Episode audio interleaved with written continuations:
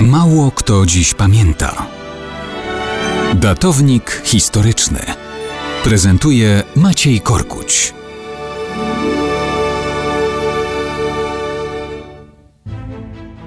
Mało kto dziś pamięta o wczorajszej rocznicy. Otóż 29 marca 1790 roku, a więc równiutkie 230 lat temu, okrojona w pierwszym rozbiorze Polska podpisała traktat sojuszniczy z Prusami. Łudziliśmy się, że przyjaźń z jednym z zaborców pozwoli na zerwanie katastrofalnej współpracy trzech sąsiadów i zrzucenie ciążącego Polsce wpływu Rosji na politykę wewnętrzną. Były więc nadzieje na odzyskanie pełnej suwerenności. Liczono też na odbicie części utraconych w pierwszym rozbiorze terytoriów. Prusy bowiem w misternej układance europejskiej, licząc na przyjaźń z Anglią, Holandią i Szwecją, chciały ograniczyć wzrost potęgi Austrii i Rosji.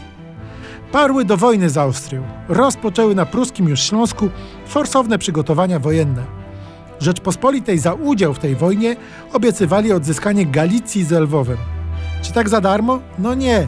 Niemcy oczywiście chcieli zadbać o własne, niby drobne nabytki. Żądali zgody Polski na przyłączenie Gdańska do ziem zabranych w pierwszym rozbiorze, a także na włączenie do Prus Torunia i na niewielkie zaokrąglenie granic, jak to ujęli. No cóż, nie było łatwo. Polska liczyła, że rozbicie sojuszu trzech zaborców pozwoli jej na modernizację państwa i odzyskanie sił. Ale na sojuszu z Berlinem jakoś nam budowanie własnej siły nie wychodziło. Latem Prusy z Austrią się jakoś dogadały, w stosunkach międzynarodowych napięcie opadło, a Berlin coraz usilniej zaczął na powrót rozglądać się za przyjaźnią z Petersburgiem. Konstytucja 3 maja Prusakom się bynajmniej nie spodobała.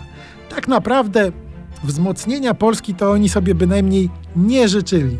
W czerwcu 1791 roku sojusz porzuciły pod pretekstem, a jakże, właśnie uchwalenia konstytucji bez ich wiedzy.